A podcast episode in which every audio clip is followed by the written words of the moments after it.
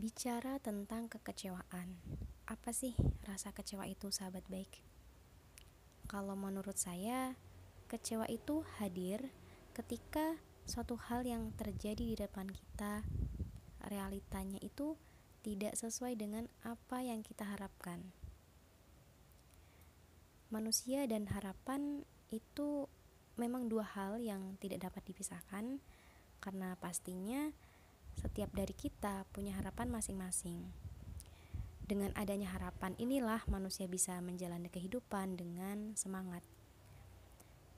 Harapan untuk segera dapat pekerjaan, harapan untuk segera menikah, misalnya, harapan untuk bisa kuliah di universitas yang bagus, PTN atau PTS yang bagus, dan seterusnya, dan seterusnya.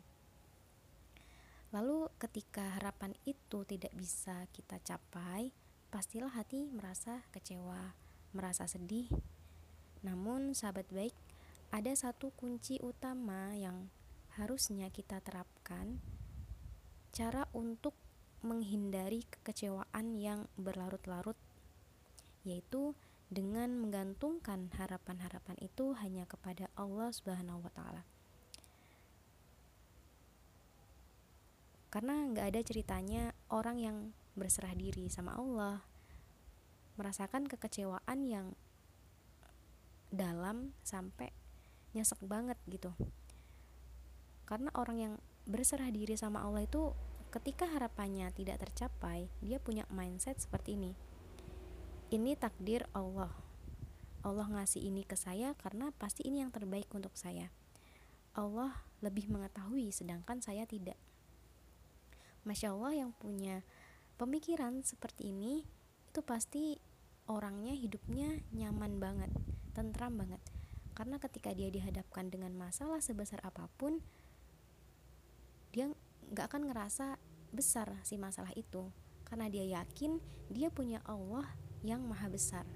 Allahu Akbar Allah maha besar. Adakah di antara sahabat baik sekalian yang merasa kenapa ya? Saya kok kayaknya banyak masalah terus. Kenapa saya kayaknya banyak banget nih ujiannya dari Allah? Langkah pertama ketika kita menghadapi masalah atau ketika kita mendapati cobaan itu adalah kita harus tetap berprasangka baik kepada Allah berhusnuzon kepada Allah. Karena ada dua kemungkinan kenapa kita diberi ujian oleh Allah yang pertama yaitu karena Allah ingin menghapuskan dosa-dosa kita yang telah lalu. Allah tidak ingin kita itu disiksa di akhirat nanti lantaran dosa-dosa kita tersebut, sehingga Allah ingin menyelesaikan dosa-dosa kita itu di dunia. Betapa sayangnya Allah kepada kita, karena Allah tidak ingin menyiksa hambanya di akhirat nanti. Tentunya Allah bisa menghapuskan dosa-dosa kita jika kita bisa bersabar dalam menghadapi ujian. Lalu, alasan yang kedua, kenapa sih Allah kok ngasih kita cobaan? Karena Allah ingin memberikan pahala dan pahala sabar ini sangat besar, sahabat baik. Pahala bagi hambanya yang sabar ketika menghadapi ujiannya.